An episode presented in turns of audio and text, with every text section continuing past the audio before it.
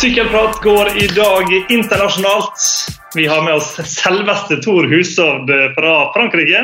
Så har vi selvfølgelig Kristian Påske fra Asker, som har vært i 50-årslag i dag på koronavis. Og så får vi med oss et herlig gjestepanel. Edvard Boasson Hagen dukker opp hvis internettgudene er med oss. Det samme gjør Tobias Foss og den store sykkelsjefen i UnoX, Jens Haugland. Men først, Påske, vi må høre. Hvordan feirer man 50-årsdager midt i disse her? Koronavennlig? Nei, Det var jo vår gode kollega Erik Libek som har vært med på mange Tour de France opp igjennom, og andre sykkelritt som er 50 i dag. Så da tok jeg med en liten spilleliste på laptopen og en høyttaler med litt guffe og så dro jeg bort til han i ja, jeg var vel der ti på sju. Vel vitende om at hele familien lå og sov, og resten av nabolaget. òg. så kjørte jeg et par sånne bursdagssanger inntil han kom ut av vinduet og fikk han ut på trappen. Og så fikk han en gave, og så drakk vi litt kaffe utendørs med god avstand. Og så, så fikk han feire med, med familien. Så det var hyggelig. Veldig hyggelig, men litt spesielt. Ja, det var gøy. Det var kjempegøy. Til og med naboene kom ut på balkongen og ropte hurra, så det var, det var bra. Men alle har blitt vekt med musikk der for her i bakgården hos oss i dag klokka ni så har plutselig P4 av Michael Andreassen rigga opp en voldsomt boomblaster, ikke det heter, og hadde morgentrim. Så alle var ute på balkongene sine her nå og drev med aktiviteter mens de satt direkte på P4. Så det skjer litt av hvert i Norge, men det gjør det også i, i Frankrike, Tor. Om vi føler oss litt stengt inne her, så er det enda verre der du er. Ja, her er det jo fullt portforbud, så her er det jo ikke lov til å gå på utsida. Uh, dørene er jo lov, men du skal være innenfor da, hagen. Da. Hvis du er på et hus så er du da i en leilighet, så må du da selvfølgelig være inne i, i leilighetene. Og, og skal, skal, ikke på en måte gås sammen med andre mennesker, og så har du ikke lov til å Jeg har ikke lov til å ta med en joggetur på veien, f.eks. Jeg har ikke lov, lov til å ta med en sykkeltur. Det, mest, det, du kan gjøre, du kan ta bilen og kjøre til apotek og kjøre til den nærmeste matbutikken. Og da må du ha med deg en skriftlig bekreftelse på du må, du må liksom med en, en, dokumentasjon på adressen der du bor, sånn at du virkelig kjører til nærmeste matbutikk. Og nå patruljerer da politiet rundt her og tar et, et, tester, da, eller så sjekker om det faktisk stemmer. Da det bøter opp til jeg tror det er 135 euro da, du får i, får i bot. Men det er jo liksom mye styr med det. da, At du må liksom til politistasjonen og liksom alt det heslet der. Så jeg tror de fleste tar det ganske seriøst. Det gjør i hvert fall vi. Mm. Og så er det ikke bare to uker, det er seks uker? Ja, nå er, jo, nå er, det jo, på en måte to uker, kall det, det, det Ikke full isolasjon, men portforbud. da. Men skolene det ble bestemt nå på fredag at de er stengt i seks uker. da. Så jeg tror det er 27. april der sånn det ligger an nå, der barna skal tilbake på skolen. Så Tor er blitt lærer nå? ja, heldigvis er jo kona mi Susanne hun er utdanna lærer, da, så hun tar seg av det, heldigvis. Men uh, i går så fikk sønnen min 40 sider han måtte gjennom. og uh, Gymlæreren sendte, ja, gymlæreren sendte programmet hva de skulle opprinnelig hatt i gymmen. da. Uh, og da var det spensthopp, og det var liksom ikke måte på. Men da får så, du trent, gjør du ikke det? Da får vel du òg trent? Ja, ja, ja. Nei, vi holder oss jo i, i bevegelse, så Plenen eh, Niklas da på syv år han har sykla så mye rundt huset allerede at plenen har liksom allerede fått seg en ny sti. Men det er, ganske, det er, ganske, utrolig. altså Her er det eh, tre og et halvt døgn siden vi eh, kommenterte altså siste etappen, som det som ble siste etappen av eh, Paris-Nice. Det har gått utrolig fort, altså. Mm. Ja, det har gått fort. Nå var det jo mange som mente at, at Paris-Nice holdt på kanskje litt for lenge òg, da. Men, ja. men en må tross alt huske på at jeg syns idretten er de som på en måte har tatt tok grep ganske raskt, de fleste idrettene. Og det var jo først nå på fredag at uh, franske myndigheter og Monaco, de følger hverandre da, og i Monaco at eh, det er gjort sånn offentlig virkelig store grep. Uh, og, og, først nå på tirsdag, altså da snakker vel ja, det var i går, at det ble liksom portforbud. da. Så det har skjedd veldig, veldig fort uh, når det først kom i gang her nede. Men det var litt seinere her enn, enn jeg har sett i andre land. Ja. Og omtrent når vi snakker nå påske, så ruller det inn med avlysninger i ritt frem i tid. Ja, det, Jeg vet ikke om de har begynt å gå dypt inn i mai allerede, ja, men uh, det siste jeg fikk med, var i hvert fall um, Eschborn Frankfurt, som skulle gå 1. mai. Og Da har man jo liksom begynt å, begynt å gå inn i, i enda en, uh, en, måned. da. April var vel egentlig ganske klink uh, for at alle ritt kom til å bli, bli utsatt. Og så gjenstår det å se da om de klarer å Se her, du! Her kom det en til! Nei, nei. Vi klarer å finne hull i kalenderen til noen av de største rittene utover eh, ja, Det må jo bli etter sommeren i tilfelle, men det er, eh, nei, det er brutalt, gitt. Jeg må si hei, Edvald. God dag, dag. Hyggelig at du tok turen også, Edvald. Du skulle sykle Milano Sanremo på, på lørdag. og Som det surrehuet som du vanligvis er, så har vel du glemt å avbestille billetten allerede? Ja, jeg har folk som ordner sånt for meg. Så jeg tatt med det. Men det er jo synd at jeg ikke får vært der. Eh, men så det er ikke noe vi kan styre med, vi. Hvordan opplever du dette her, da? Nei, det er jo veldig annerledes og synd at uh, det som foregår. Men vi får ikke gjort det annet enn å ja, trene så godt vi kan og forberede oss. Så må vi bare vente og, og, se når det skjer. Og det er jo synd at det ikke blir sykkeløp, men jeg forstår absolutt at det ikke kan arrangeres sånn. Men, men, hva er trening så godt en kan, og hva er på en måte motivasjonen oppi det her? da? For du vet jo ikke vet jo ikke når neste løp er, så det må være vanskelig på en måte å finne motivasjon er det ikke det? Nja, men jeg har ikke noen problemer egentlig med, med å motivere meg. Eh, vintertrening har jeg gjort før det, å sitte på rulla og sånne ting. Nå er jo karantene, men jeg kan for så vidt sykle ute hvis jeg sykler alene hjemme nå, så er ikke det noe problem. Men uh, jeg har hatt noen timer på Swift gjennom vinteren, og jeg syns jo ofte at vintertrening er kort. Og nå får jeg jo testa en variant med lang vintertrening, så kan jeg kanskje syns at det er eh, godt med sykkelløp uh, allikevel. Ja. Det må jo innrømme nå, når han har fått prøvd litt lengre vintertrening. Men det er ganske interessant det der du sier med at uh, altså, du kan sykle ute så lenge du er aleine. Uh, I Frankrike så er jo det nå, uh, så vidt jeg har skjønt, ikke lov. I, I Spania er det ikke lov. I Italia får de lov hvis de har et, en dokumentasjon på at, det, at de jobber som syklister. Så um, det også gjør jo at, uh, at, det blir litt sånn vanskelig hvis man skal ta hele sporten under ett. da.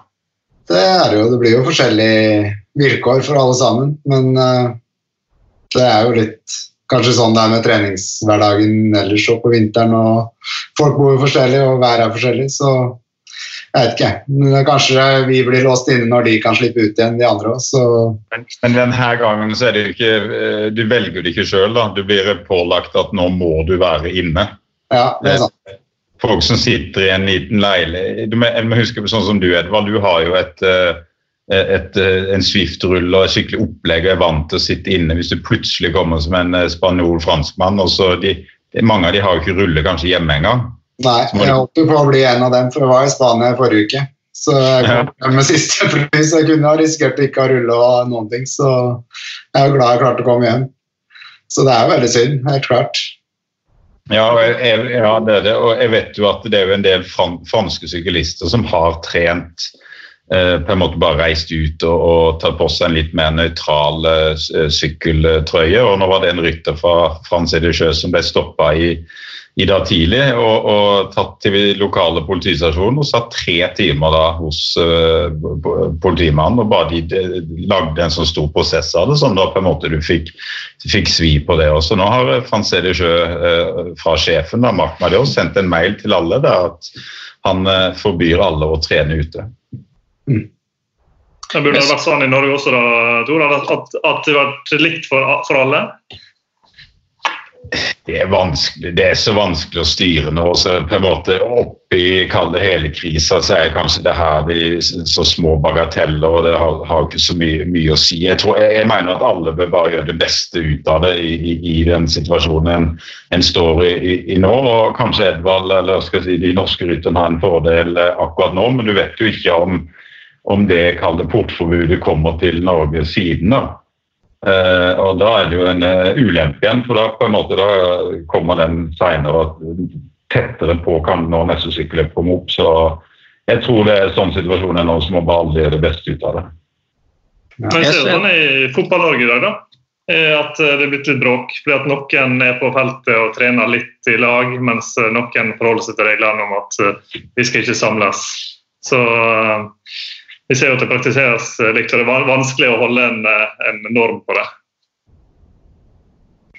Ja, jeg tror, norm nå, det, det, finnes jo ikke. Eh, og så går det jo på en måte Det går jo eh, hva skal jeg si, Når myndighetene de kommer inn og setter regelverk, det er én ting, men så er det jo på en måte de eh, altså for hvert enkelt land, ikke sant? eller så går det ned til klubbnivå. så Det er jo vanskelig. UCI har jo nok å holde på med nå om, om de skal på en måte bry seg om hvem som kan sykle ute og hvem som kan sykle inne, selv om det er urettferdig.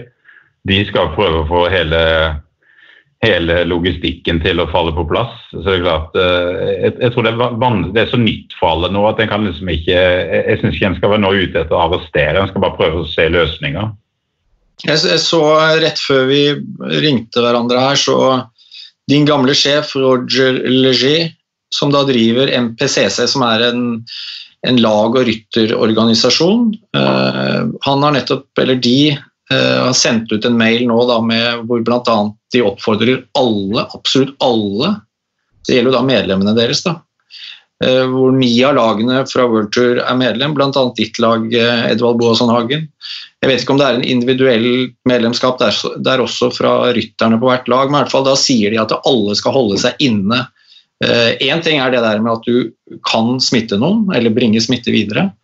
Men også det at hvis du, hvis du krasjer, da, altså hvis det skjer en ulykke, så vil du på en måte oppta eh, eh, en del av et allerede presset eh, helsevesen. Da. Så det, det var jo i hvert fall en veldig kraftig oppfordring til de lagene som er medlem der. Ja, Nå må jeg spørsmål til Edda. Vil du følge oppfordringa?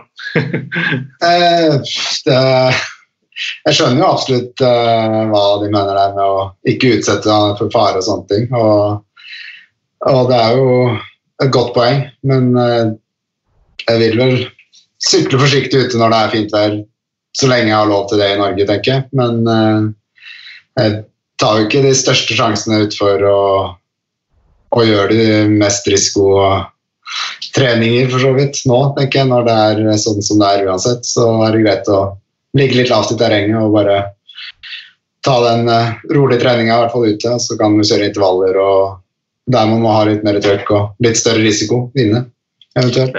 Men hvordan er jeg sånn, lurer litt på det der, Hvordan er informasjonsflyten fra, fra lagene, altså fra ditt, din administrasjon og sportsdirektører og sånn nå? Sier de liksom bare Hold hjulene i gang. Eh, ja, det blir jo det egentlig. At de må Eller de sier at vi skal trene så godt vi kan i de forskjellige omgivelser som vi har, og være forberedt. Vi jo ikke når det kommer løp, og da har vi fått beskjed om å bare gjøre det beste ut av det og være positive og kanskje trene på de tingene vi ikke har tid til og mulighet til å trene så mye på ellers, og heller prøve å fokusere på kanskje styrke og basistrening og og forberede på de tingene som vi kanskje kan være vanskeligere og litt hardere enn i, i sesong ellers. Så da må vi bare prøve å gjøre det. Så vær klar når det eventuelt blir sykkelløp igjen snart. Mm. Edvard, du er, du er, alltid så, du er alltid så positiv og motivert. Men jeg, eh, hvis, jeg, jeg mener, hvis jeg hadde sittet nå i mars, og det hadde vært hva er det da, fire, tre dager til Milan San Remo og to uker til Paris-Roubais, og jeg vet ikke når neste sykkelløp hadde vært, da vet jeg ikke hvor mye motivasjon jeg hadde klart å finne. Så jeg, jeg er fascinert av den, av den motivasjonen og på en måte kalle denne holdninga du, du, har til det. Og, og, men jeg vet jo det at det er ikke alle som ser så lett på det. Ja. Som det er veldig med motivasjonen og tenker hva skal en, hva skal en uh, trene for nå?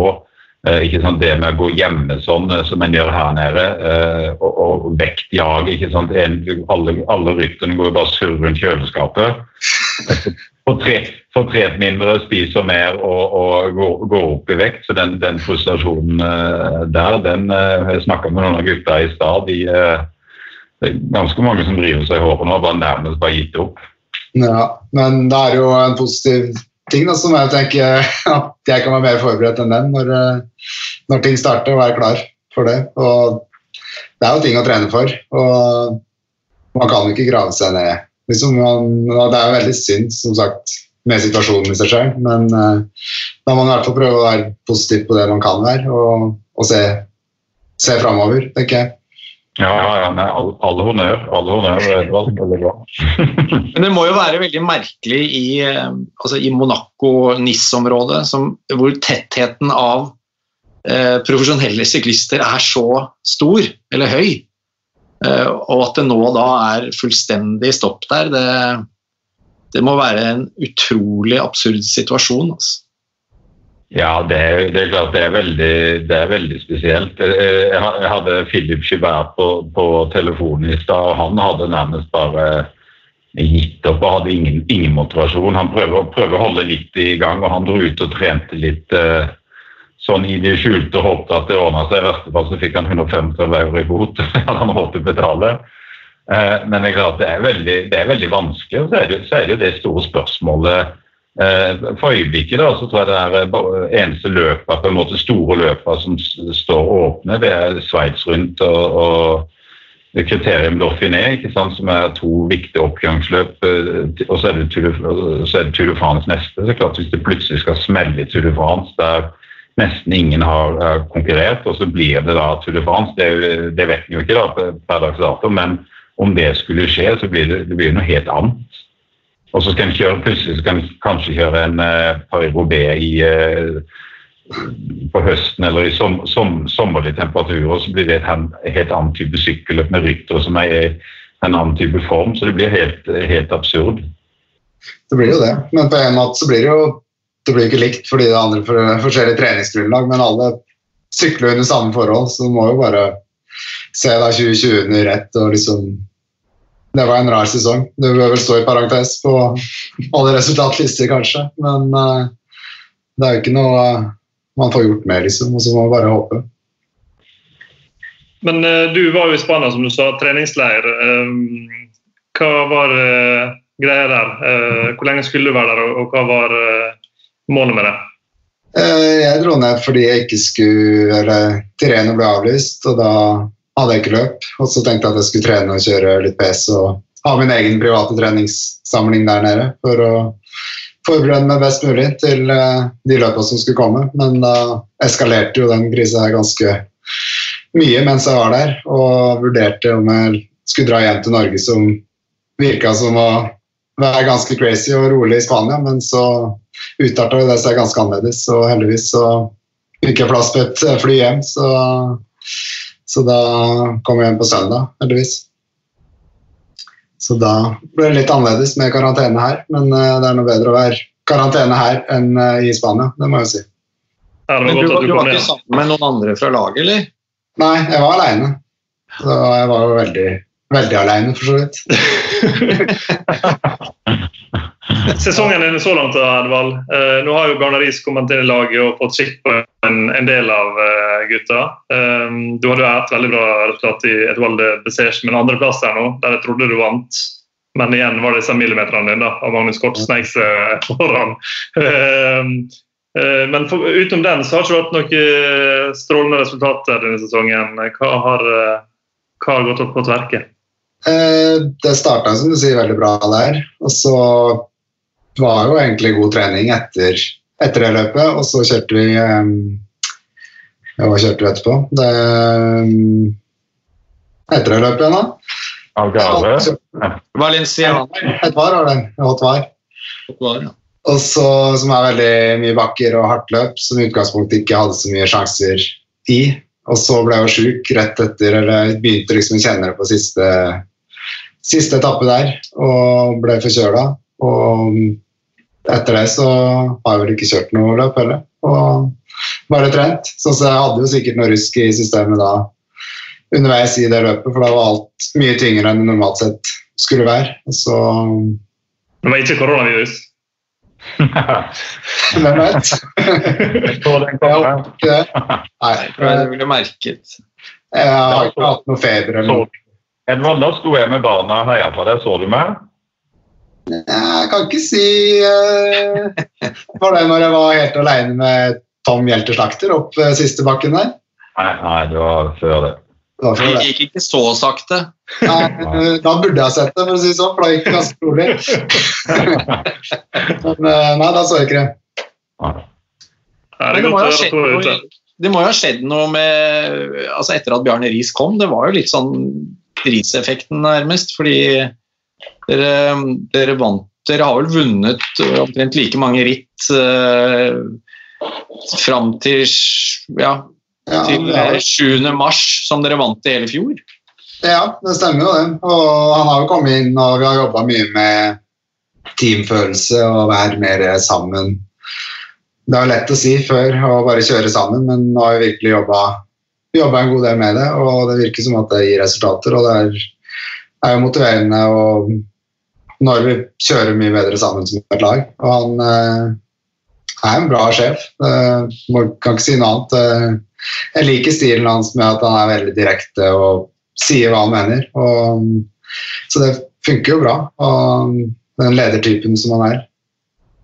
Ja, har det vært eh, for eh, easy going de andre årene? Altså, har, har man vært for mye opptatt av at, eh, at dette er et lag som på en måte skal representere det afrikanske kontinentet og, og samle inn penger til sykler og sånn eh, i forhold til å vinne sykkelritt? Nå er jeg litt spydig, men eh, jeg tar sjansen. Ja, det er jo viktig organisasjon med Quebeca og, og den biten med innsamling. Og vi får jo enda mer effekt ut av det ved å, ved å kjøre bra resultater, og det er jo det som teller. Men eh, Bjarne er mer direkte kanskje å si hva slags forbedringspotensialer vi må jobbe med. Og det er jo en stil man, man må altså, ser kanskje problemet og løser det på en bedre måte enn å bare se at det er et problem uten å egentlig sette fingeren på det. Og det er vanskelig for meg å egentlig si For jeg har ikke klart å sette fingeren på hva som har vært feil før, men eh, det funker i hvert fall bedre nå, og det er veldig positivt å se det. Mm. Så Er det, er det, men er det de tiltakene har gjort som har fungert best, føler du? Er det på det sosiale, da?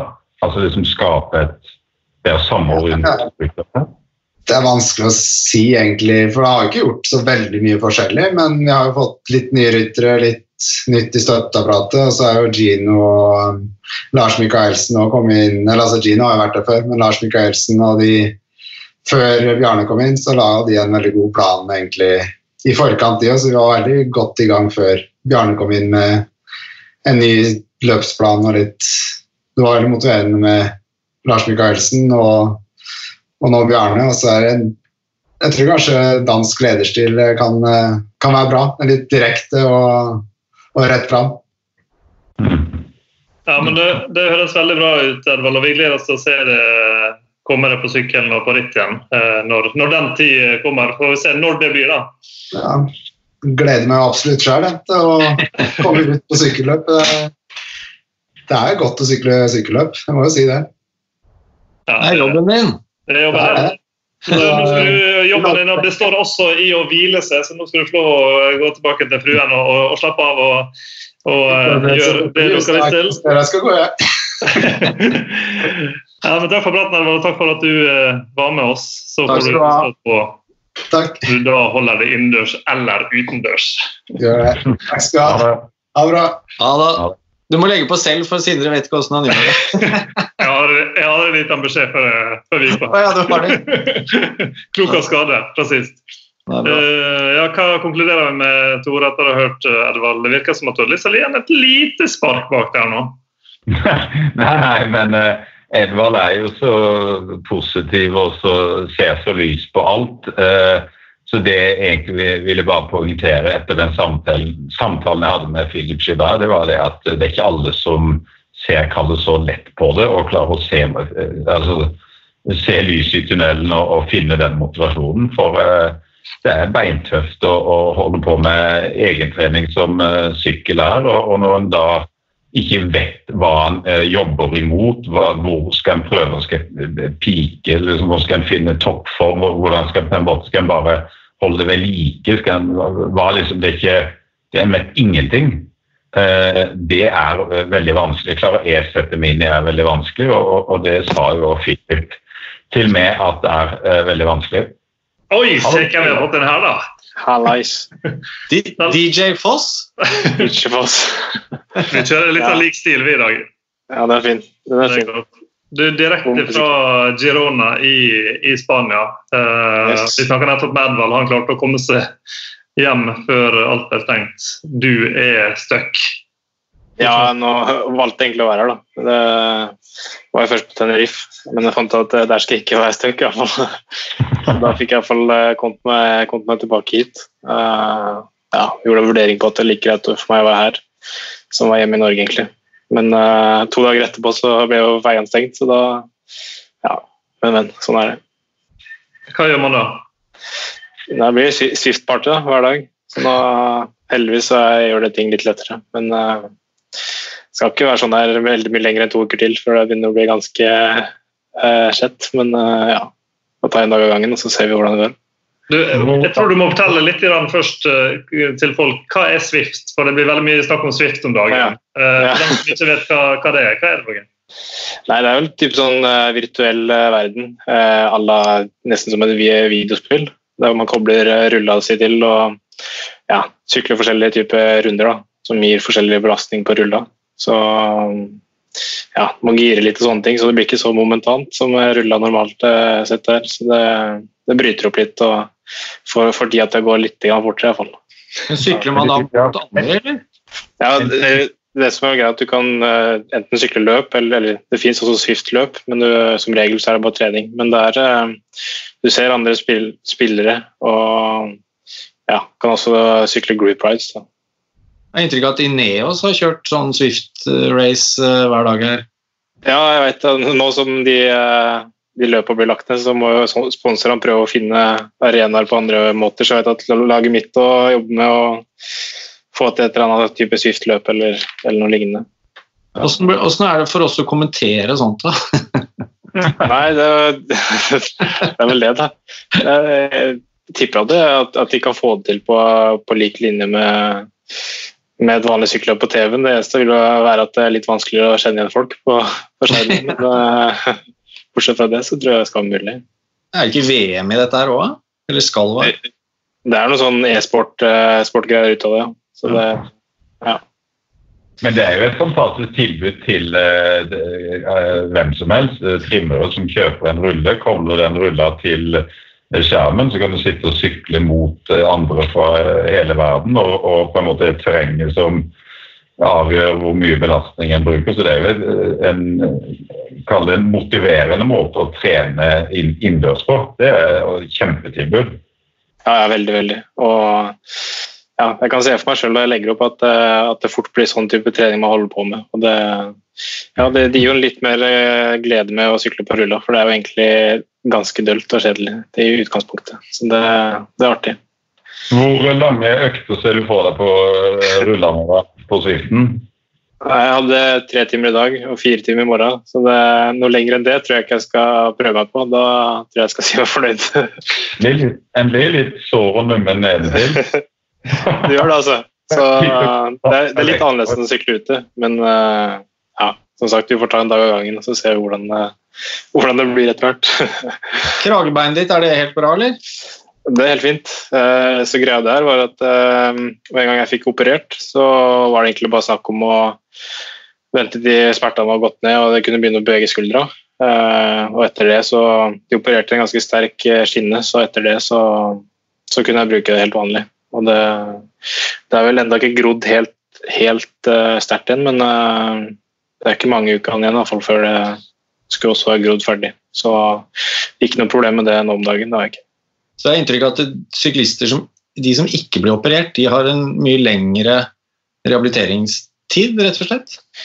Ja, det kan jeg se for meg. Jeg kan se for meg at det var en litt mer smertefull prosess. Eh, nå fikk jeg operert og satt ting på, på plass og fikk styrke opp relativt fort. Og da, ja, da er det egentlig bare operasjonshåret som må, må, gro før du kan begynne å kjøre på med ordentlig belastning. Så det var jo heldig med den, egentlig. Det var jeg.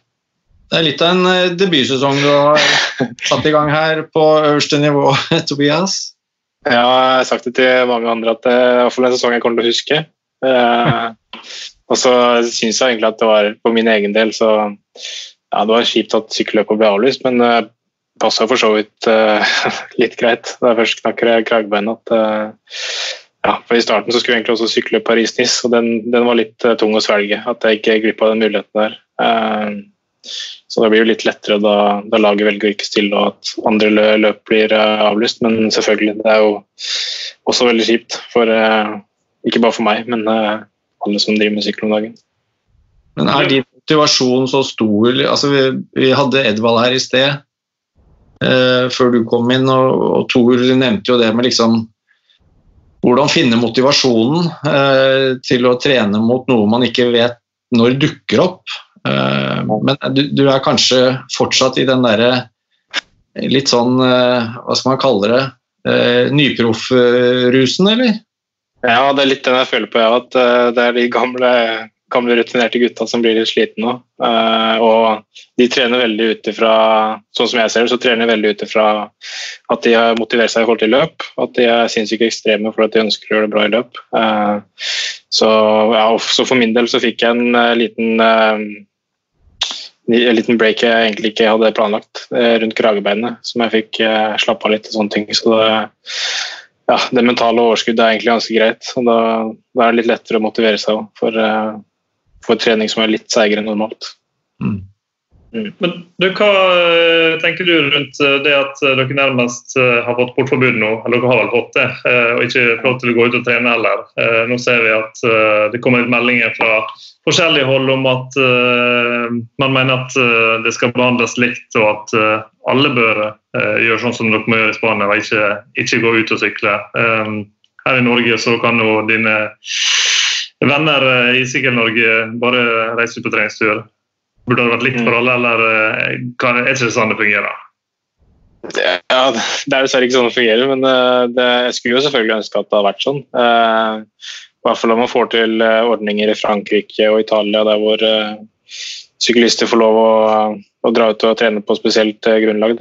Ja, igjen, det hadde vært kjekt for oss òg. Og så er det vel litt lettere for en vanlig ansatt i en annen bedrift og skulle ta to uker karantene. For hvis du gjør det, så dabber formen fort veldig vekk. Så uh, ja, om man kunne fått det på et uh, relativt likt nivå, hadde det vært ålreit. Uh, så veit jeg egentlig at vi har egentlig lov å være på veien, vi òg. Eller iallfall den, det var den beskjeden vi fikk først, at vi har lov på samme grunnlag som i Frankrike og Italia. Men at det er noen politifolk som velger å gi saftig bøter likevel, så da, da blir jo det også en litt skinkig situasjon. Men har ikke den spanske ryttergrupperinga på en måte gått imot det lovforbudet og ønsker på en måte å, å, å, få lov til det som de kan i Italia. I Frankrike så har de ikke lov til det foreløpig, men i Italia, ja. eh, italienske rytterne har det. Ja. Øh, jeg, jeg veit ikke så mye om prosessen der, men jeg vet at det er de gamle gutta på laget er veldig inne i ja, snakker med myndigheter og så vet at de har noen kompiser som også eh, ja, blir utsatt for samme greia. Som, eh, som jeg får prøve å snakke med myndighetene. Men sånn som jeg har skjønt det, så er det litt, eh, litt tungvint som vanlig. Ja. Men angrer du da på at du ikke dro hjem?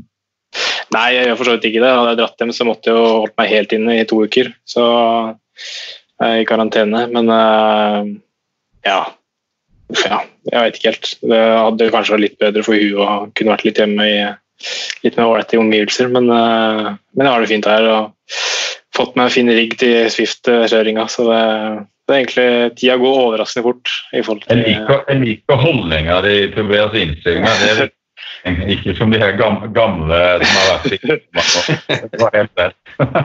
Nei, man får prøve å gjøre det beste ut av det. og, og fortsette å suge litt på den der uh, nyproffkaramellen og bruke den så lenge det varer. Men du, du var jo sykla på uh, Teide nå da, med Tom Dumoulin, din lagkamerat, som ikke har sykla ritt siden vel var det Dauphiné i fjor. Uh, han Ja. begynte å få trøbbel. Um, hvordan var uh, hans uh, ferd tilbake? Nei, det har vært litt opp og ned for hans del. Jeg, jeg ønsker ikke å gå for mye ut med sånne ting. Jeg vet ikke hvor mye han ønsker å dele, men han er, ja, han har for slite i Først var det kneet, og så nå i etterkant har det også vært magen. Eh, Så vi fant at det var et type virus eh, ja, som normalt, eller en bakterie som normalt sett alle har, men som han sliter litt med. Eh, Eller han fikk reaksjoner på det.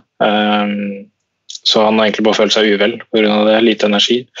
Men nå begynner han å blomstre igjen og kan bekrefte at han, har fløyet fløy et par ganger på, på denne riftjorden. Så det er også godt å se at han, at han ja, har utstråler en del glede og mer komfort på sykkelen. Og det, det er fint å se. Ja, men det er godt å. Når man trener nå, hvilken, eh, hvilken intensitet og alt mulig sånn legger man seg på når man ikke har peiling på eh, når formtoppen skal eventuelt være neste gang?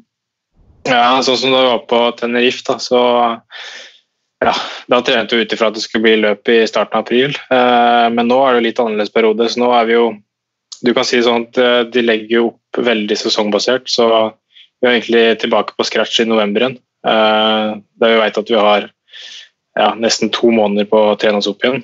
De, og det er også ganske fint. da. Det er først på sykle på rulla, så er det heldigvis ikke over 20 timers uker. Så vi skrur treninga litt ned for heller å bygge et greit grunnlag igjen. Eh, og så, da vi vet løpet og sånne ting, så begynner man å kneppe opp ut ifra når man skal pike. da. Så det er egentlig ganske greit òg. Ja, men Tobias, vi gleder oss eh, til å se deg tilbake igjen, og så får vi se når det blir. Tusen takk for at du Ja. var med oss. Jeg ringer ham et par dager igjen. Han er jo helt alene. Vanligvis bor han sammen med Tore Sleen fra Uno X nede i Girona og deler leilighet, men han har forlatt redet. Ja, ja. Så nå sitter jeg her og koper for meg sjøl, men det er fint da. Jeg er mest, jeg er mest imponert over bredbåndet ditt, for det er krystallklart bilde. Tor ser ut som han har ISDN-linje. Det er eh, spansk fiber vet du, rett i døra, så det funker som bare det. Ja, det er godt altså. Vi snakkes. Lykke til. takk for at du var her. Hei. Yes. Tor, eh, Tobias her, en eh, del av en ny generasjon som eh, er på vei opp, som eh, kan gjøre andre ting enn det du kunne. Hva skal vi si om den gjengen her? Nei, det er en eh, veldig spennende gjeng eh, Norge har nå, med som, som en sånn litt ny eh, klatregenerasjon. Det er ryttere som eh, har litt sånn de andre forutsetningene enn eh, de siste rytterne, kaller eh, de beste norske rytterne som er der. Hvis du tar Kurt Asle Arvesen, meg sjøl, Edvard Baasen Hagen og Alexander Kristoff, så er det jo alle vi, vi har på en måte gått etter de samme løpene. Det har vært klassikerne, og så har det vært eh, Tour de France, og så har vi prøvd på VM på høsten. Men nå ser vi jo eh, eh, helt andre typer ryttere som, eh, som eh, går for, altså, i fjell, liker seg i fjellet eh, og kan eh, gå for sammenlagtplasseringer. Så Carl Fredrik eh, Hagen eh, i fjor høst i, i Spania rundt, som eh, var det ikke en åttendeplass han avslutta med? Mm. Ja. Noe som, eh, noe som eh, ja, er vanvittig imponerende. Eh, og så var det jo seier i, i ungdommens Lavenir i fjor høst. Og det er jo fantastisk. Eh, og her kommer eh, Og da har vi for en timing, da. God kveld. God kveld. God kveld. God kveld, Jens Haugland, sjefen eh, for eh, Uno X-gutta som Tor var i gang med å snakke om her nå. Vi hadde nettopp Tobias Foss på tråden rett før, før det. Ja, Så hyggelig. Har, han fått, har, har kragebeinet grodd? Ja, ja, ja. Ja, det er bra. Vi ser, oss, vi ser også at Nittedal har faktisk også bedre linje. Nei, de har ikke det. Jo da, vi har det. Vi har har ja, god- har det. Vi, vi bare to litt på linjene ned i det er Frankrike. Ja, akkurat. Du, for en eh, måte å starte proffeventyr på, da. Og Ja, avslutte omtrent, eller i sette det på is og på hold og på vent før det omtrent er, i- er i gang. Hva tenker Ja. jeg tror vi må kalle 2020 fra Colombia til korona eller noe sånt. ja. Skal jobbe i eh, TV-bransjen, du. Ja, nei, det er en eh, veldig spesiell situasjon å være i. og eh, ja, Veldig ubetydelig selvsagt i det store og det hele for, for uh, vårt uh, lille prosjekt i den store verden her. Men uh, det er klart omveltningene som uh, oppsto som følge av det her, er ganske, for oss i vår lille verden, ekstrem. Hva gjør dere nå? Nei, Nå trener vi jo som rakkeren, da. Forhåpentligvis smartere og bedre enn eh, enn mange av de andre lagene. Eh, Vi fikk hjem eh, alle godt i tide og trakk oss tidsnok fra de rittene eh, vi skulle være med på, sånn at det ikke ble noe sådd noe intern tvil om, eh, om hva vi skulle gjøre. og eh, Etter det så har vi på mange måter opptredd som normalt, vi. Eh, Vi får bare ikke sykla ritt. Vi har mange unge kropper som eh, har mange treningstimer foran seg, så det, det tåler vi fint. Men det, men det gikk, eh, altså som for alle oss andre, så gikk det fort for deg òg. Fra å ha én mening om hvordan dette skulle gjøres og hvem man skulle høre på, til å på en måte ta helt egne valg for laget ditt. Ja, det har du helt rett. i. både for mine egne ansatte og ikke minst for laget så hadde jeg den holdninga at eh, og har det for så vidt fortsatt at det er helsemyndighetenes råd som gjelder. Uh, Utfordringa med å drive et sykkellag, og det her kan dere minst like mye om som meg, det er jo det at du får jo spredd personell og ryttere utover hele Europa. Så på et eller annet tidspunkt så må du ta stilling til hvilken helsemyndighetsråd det er det som faktisk gjelder òg. Mm. Uh, og da, da ble det ganske greit å si at uh, nå eh, stopper vi og sender folk hjem. og uh, ja, Da agerte vi raskt. Så det er helt riktig. Jeg snudde ganske raskt Christian, når jeg så hvor det bar av gårde. Men uh, jeg syns jeg var litt raskere på pletten enn Prudholm var da. Ja, det, det skal du ha. Ja, Der var du ute og kritiserte litt at Paris-Nice ruller gjennom Frankrike mens det meste andre stopper opp. Ja, det er jo eh, Jeg syns den situasjonen var spesiell. Jeg legger ikke skjul på det når det gikk som det gikk. Eh, Spesielt fordi at resten av idrettsverden reagerte såpass tydelig på det eh, i et veldig bredt spekter. Det var, vi satt igjen med noen skiskyttere i Kontiolahti og, noen- og noen ryttere på vei til NIS. Det føltes som det var det som var igjen. og da ja, Da syns jeg kanskje det ble litt spesielt. Eh, men, eh, men eh, dem om det. Så jeg håper at vi kommer fort i laget igjen og kommer tilbake til normalen i samfunnet. Det, det er det viktigste. Men butikken oppi dette her, altså det eh, Dere har jo Dere er jo en sponsor for et lag. Ja. På toppen her så er det. Ser man på den biten i det hele tatt? Altså tap av eh, merkevareoppmerksomhet, bla, bla, bla. Eh, ja, hvis vi hadde vært kortsiktige, så hadde vi jo eh, gjort det. Men eh, vi er jo i en situasjon der eh, vi er, eh, har et samfunnsansvar. Vi er rett og slett nå i å serve Norge med drivstoff. Eh, det er faktisk eh, mange som skal ut på veien ennå, selv om det ikke føles sånn for mange av oss. Eh, og UNX, eh, både som virksomhet og eh, driver av et lag, skal stå seg godt i dette og, og per nå så er det ikke aktuelt for oss å, å, å tenke på permittering eller den biten. Vi må gjøre det beste vi kan med de forutsetningene vi har, og så skal vi ta vårt ansvar i å bidra med drivstoff til den mobiliteten vi fortsatt må ha i samfunnet, selv om vi er i en ganske mildt sagt alvorlig krise. Men vi var litt inne på det her om dagen hvor eh, eh, Sunweb f.eks. Ja. er på en måte en et, altså som lever av reiseliv. Eh, Frykter man liksom Jeg vet ikke hva du tenker her, Tor, som er nedi der og, og vet også hvor, hvor vanskelig det kan være å på en måte skaffe Du var jo på et lag en gang som måtte legges ned fordi det ikke var mer penger. eh, Så mm, frykter man at det liksom er lag som kan gå, gå dukken her, av de store lagene, eller, eller på ditt nivå, Jens? Jeg mener, det at det her kan være kroken på døra for eh, flere lag. Akkurat nå er situasjonen for Uno X eh, litt eh, unik når de sitter som sponsor og, og eier av, av samme lag. Men hvis du på en måte sitter med to motpoler, at du har en sponsor som nå ser at ikke de får noe eksponering, og så har du et lag eh, som eh, må på en måte sitte og betale de eh, lønningene, så, så er det et regnestykke som ikke går opp i lengden. Og nå vet hun at eh, det sier jo Jens at det her mest sannsynlig ikke er eh, langvarig, men, eh, men nå har jo eh, de König Quickstep-rytterne de går jo på arbeidsledighetstrygd får 80% mindre lønn på grunn av Nei, altså de får 80% av lønna. Så de, de har gått ned litt. eh, Men, men hovedproblemet der det er jo det at eh, nesten alle eh, Sunweb, men nesten alle eh, sponsorer de, de eh, taper penger. Så de, de, må, det, de må begynne å kutte. eh, Og, og hvor er de begynner å kutte? Det er jo nettopp sånne type eh, tiltak. For det er klart, Nå er det mange bedrifter der som, som blør, det er mange som taper mye penger. Det er også privatpersoner, det har med sykkelsporten at det har private penger som betaler og drifter lag. og de, Mange der taper enorme eh, summer eh, per dag nå, og noen har gått på noen store smeller. så klart eh, En kommer til å se en omveltning, ikke bare i sykkelsporten, men i hele idrettsverdenen. At det er mindre penger der ute til sponsorvirksomhet. Mm.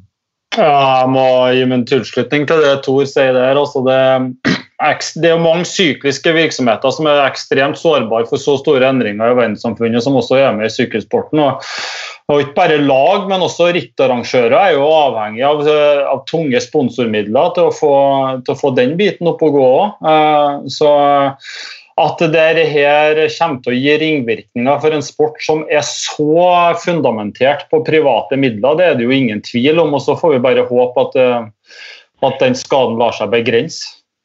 Ja, og dere i forhold sykkel- og til eh. Sorry, Sindre. eh, Ja, altså, det har jo vært eh, sykkelritt som, eh, som har eh, liksom levd litt på nåde og helt sånn på kanten. eh, Som har egentlig vært ganske store ritt med, og viktig deltakelse, og viktig for rytterne. Så dette her kan bli skummelt, det, altså, hvis, eh, hvis det blir langvarig. Hva gjør dere i forhold til permittering og sånn, Jens? Eh, enn så lenge, og forhåpentligvis et tema som jeg ikke trenger å måtte ta stilling til. Eh, jeg har informert eh, veldig åpent og tydelig både for Steff og ryttere at eh, for øyeblikket så eh, ser ikke UnoX på eh, permitteringer som en løsning. og så får man håpe at i retur så får man ekstremt lojale ryttere og en mildt sagt motivert gjeng. Eh, Det tror jeg vi ville hatt uansett. Altså. Eh, Men, eh, men det er situasjonen for oss eh, for øyeblikket. og Det håper jeg skal, at vi kan si når vi kommer ut i andre enden her. Hva gjør, eh, hva gjør altså, Rytterne de regner jeg med sykler på ruller eller eh, der de måtte ha mulighet, men, men eh, Stig Kristiansen og Kurt Asle Arvesen og Nei, de sitter sånn som vi sitter nå, tror jeg. Ganske mye. Eh, de er jo i hvert fall en del av det. Jeg tror ikke du skal kanskje tilegne. Stig. ja, vi, vi bruker det skal sies at vi bruker ikke Skype, da, vi bruker Zoom. Uh, men vi bruker det, det de, de er så lei av å sitte i bilen sammen allerede at de gjerne vil ha litt avstand når vi skal ha møter. Så vi bruker mye Zoom og diskuterer tror jeg, ting som eh, omverdenen vil synes er ganske sært. Men det går jo mye trening og vatt. da. Jeg har diskutert litt eh, med Tobias Foss og med Ervald Boasson Hagen tidligere her i dag. eh, Det å være ute på veien og, og trene nå um, I en del land, eller enkelte land, så er det i hvert fall sånn forbund mot det. Uh, andre får lov fordi man er proffsyklister. Enkelte oppfordrer til at man ikke gjør det pga. faren for at man utsetter helsevesenet for ekstra belastning hvis de skal bli skada. hva tenker du da spesielt i forhold til det, det sistne- sistnevnte? Nei, der, ja, Det blir sånn utrolig politikersvar. Men jeg syns det er vanskelig å gjøre noe annet enn det vi får råd av helsemyndighetene på at vi skal gjøre. og Enn så lenge så har vel de oppfordra folk som eh, er friske og ikke er i karantene, til å eh, bruke naturen, eh, men holde avstand. Eh, og Det må vel være oppfordringa til våre gutter enn så lenge òg. Så får vi innrette oss etter de rådene vi får uh, hvis det skulle skje noen ting. Uh, men ja, det, det er vel den holdninga jeg har til det foreløpig. Men jeg ser jo at andre land gjør det helt annerledes for. Jeg vet ikke hvordan det er nede på Rivieraen. Nei, her er det Ja, det ryttere har jo fått uh, e-poster av sjefene der det ikke får lov til å trene. Da, uh, da er det franske lag, da, uh, FDG, som ikke får lov til å, å dra ut og trene. for Franske myndigheter kan bøtelegge de som er ute uten kalle gyldig grunn. Og en sykkeltur er ingen gyldig grunn. sånn er det i i Frankrike. Uh, og jeg, jeg, glemte jo å si det i stad, men det var litt komisk da, at uh, en spurte hva Rytter gjør for noe nå. Jeg fikk en uh, sin tekstmelding av en kompis av meg, for han var så lei av å høre på musikk, dunk-dunk-musikk fra en leilighet Akko, han som bodde under han heter Peter Saga. han sende melding til Peter skru ned den forbanna musikken. Han var møkk lei av hele fyren. hvor, det, hvor det bærer hen. oh, det kan bli en lang uke for han. ja, ja, ja. Og, og, vi som på en måte har jobbet, gått rundt bussen hans i Tour de France, vet jo hvor glad han er i høy musikk. Ja, og dårlig musikk. og dårlig. Ja, Men uh, i forhold til den uh, forskjellsbehandlingen som det blir nå, da, Jens, uh, mellom dem som får lov til å trene ute og dem som ikke får lov å, å trene ute, hva slags fordel kan man dra ut av dette her nå for oss som har ryttere som har lov til å reise ut? Nei, nei. En, en, rytter er vel hakket lettere til sinns i eh, det å få lov til å sykle ut i norsk vårvær kontra å sitte inn og se på Swift hver eneste dag. Så I forhold til mentalt overskudd og det å måtte innstille seg på at dette blir en situasjon som skal vare en god stund, så kan jo det være en fordel, men jeg er ganske sikker på at Sagaen gjør jobben med musikken og ruller, han òg. Altså, så vi skal ikke påberope oss å ha sånn voldsomme fordeler der. Da håper jeg heller at jeg har trenere og rådgivere i laget som, eh, som eh, jobber veldig systematisk med utviklinga til rytterne. Men du, jeg, jeg, tenker, Dere hadde jo en, eh, en, For å si det mildt, en ganske overraskende bra inngang på prosjektet deres. Hvor man da med Torstein Treen blir nummer ni ja. i, i Colombia rundt helt oppunder skylaget, som liksom er, er, against all odds, hvis man skulle se på norske ryttere generelt. da. Mm. Um, og så fortsatt, altså, fortsatte det jo på mange måter. Altså, vi var jo så heldige å, å få kommentere Algarve rundt. Uh, ok, dere vant ikke noe, men uh, det var ganske få av de to og en halv timene vi sendte hvor ikke dere satt foran med minst tre-fire ryttere. Har, det, har, det liksom, har, dere blitt overrasket selv over ja, hvordan dere har tatt nivået og, og sånn? Ja, det har vi. Jeg synes Du hadde sett interne WhatsApp-grupper og hvilke meldinger som gikk mellom managementet når Torstein eh, kom seg opp igjen på hjulet til Higita Bernal der finalesøndagen i Colombia. Så ja, det var, det var, klart det var overraskende for oss. Vi, vi forventet ikke det. Um, i Algarve så dro vi, eh, Men som sagt, Colombia var vi godt forberedt, kanskje bedre forberedt enn mange var klar over. Eh, når det gjelder eh, Algarve så dro vi dit med et synes vi, bra lag. Sånn, et bra pro-team-lag opp imot et world team-nivå som jo selvsagt i oppstarten på sesongen Jørgen Thomas kjører Algarve fordi hun skal forberede seg på helt andre ting senere i sesongen. og Det jo, kan være til fordel for et offensivt pro-team-lag som vi ønsker å være. Uh, hadde ikke vært for at uh, Leknesund mista radioen etter en kilometer på tempo nå, fått litt bedre guiding av, uh, av Arvesen på, på, linjene og svingene der, så skulle du søren meg ikke ha sett at han har kapra de ti sekundene som har ført han opp topp ti på den tempoen. nå, så Vi dro også hjem fra Algarve 24.2 med, med en veldig god følelse, og den er jo det vi må bygge videre på nå når vi får lov til å sykle ritt igjen. Mm. Så dere sitter ikke og liksom og og på en måte tveler over at søren, nå var vi så godt i det, og så kom dette? Nei, det, det kan det hjelper kanskje ikke? Nei, Det siste vi gjorde før vi stoppa, det var at Joker slo oss på Rådås. Så, det så jeg. så egentlig, så det er det som gneg mest for øyeblikket. Så, Men da kom dere ned på jorda, da? Ja, vi gjorde det. Så Hungerholt fikk den. Altså, det er alltid, alltid hyggelig å gratulere Birger med, med gode prestasjoner. Men gutter, da synes det, det ble en sånn positiv stemning her. Så syns jeg vi skal avslutte litt der. Uh, så vi ikke avslutter med alt det negative og triste. Det er gode prestasjoner fra alt fra Wernskjold til Blikra også, som fikk to etappeseiere ned på eller to seire på, på Rodos. Så det er, mye, det er, mye, godt i vente når vi kommer i gang igjen, forhåpentligvis. Skal vi si, si Tour of Norway? Var ikke det Steinar sa når vi snakket om han tidligere i uka? Jo, men uh... Ok, nå ble vi negative. Jeg, jeg, jeg, kan si at jeg fikk en e-mail i kveld som ikke sender de signalene. Det må man må man nok være så ærlig på det at og Det har ikke med Tour of Norway å gjøre, men det har eh, med de diskusjonene som foregår i UCI for øyeblikket. De har nok litt annet tidsperspektiv på det enn det. altså. Ja. Jeg tenkte, ja, men med en gang Esch, eh, altså 1. mai og Eschborn Frankfurt kom, så tenkte jeg at ok, nå er de i gang med å, å spise av mai også. Eller stryke. Sykkelritt i mai vil være en megabonus. Ikke sant. Jeg tror vi må være forberedt på det. altså. Innstilt. Jeg tror du det blir Tour de France i år uh, i juni-juli, Tor?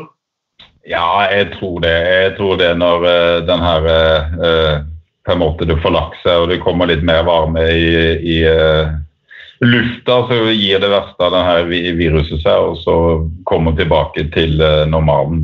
Det, jeg velger å være positiv til det. Vi snakker tross alt ja, det siste helga i juni, det er lenge til, altså. Så jeg tror det har normalisert seg til da. Og nå er Skype-linja til Tor uh, god igjen, så da sier vi tusen takk for at dere var med. Tusen takk for at dere så på. Ha. ha en strålende dag.